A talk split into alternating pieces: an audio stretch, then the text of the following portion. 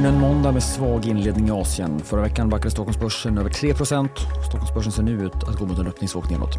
Det är måndag den 23. Vi ser fram emot bland annat en tung rapport från Sandvik.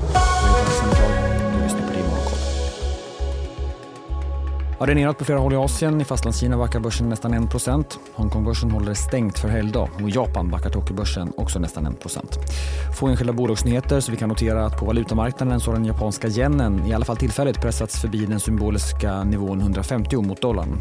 I fredags kom också en rapport från den japanska centralbanken där man bland annat lyfte fram att landets banker skulle tjäna på om man lämnade minusräntan bakom sig.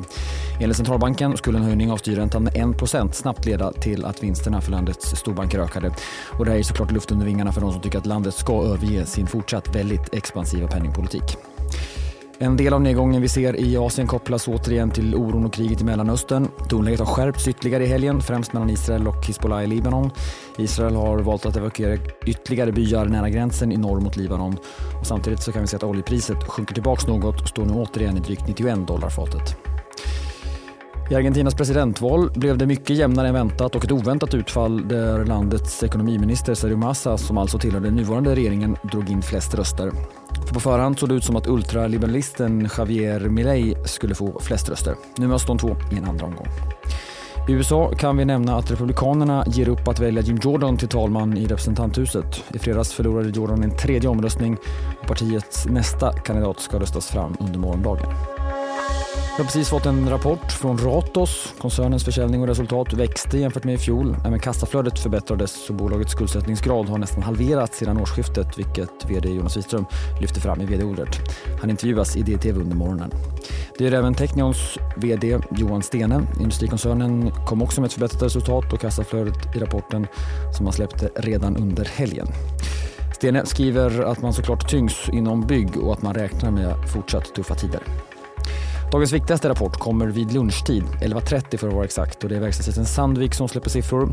Justerat väntas ebitda-resultatet landa på knappt 6,4 miljarder kronor.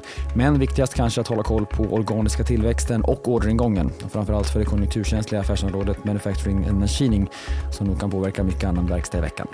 För det kommer många rapporter i veckan. Bara för att nämna några. Stora Enso imorgon tisdag, Alfa Laval och SSAB på onsdag och så Swedbank och Evolution, Volvo Cars på torsdag. Från USA flera techjättar med rapporter i veckan däribland Googles Alphabet, Microsoft och Amazon. Ovanpå allt detta också ett räntebesked från ECB. Mycket att se fram emot. Det är Morgonkoll. Jag är tillbaka igen imorgon bitti. Jag heter Alexander Klar.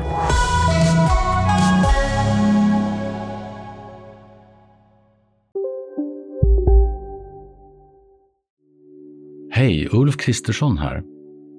På många sätt är det en mörk tid vi lever i.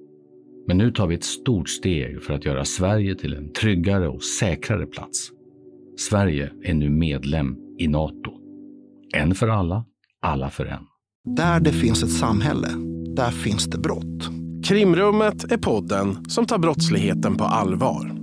Jag bjuder in landets ledande experter och tar upp aktuella rättegångsfall för att begripliggöra den kriminalitet som kryper allt närmare. Du, alltså, du kan knäcka ett eller några gäng, men det kommer komma nya och så kan vi knäcka dem sen. Men att du ska knäcka allt forever, det kommer aldrig ske. Det är infinite gain. Lyssna på Krimrummet, en podd från Expressen med mig Kim Malmgren.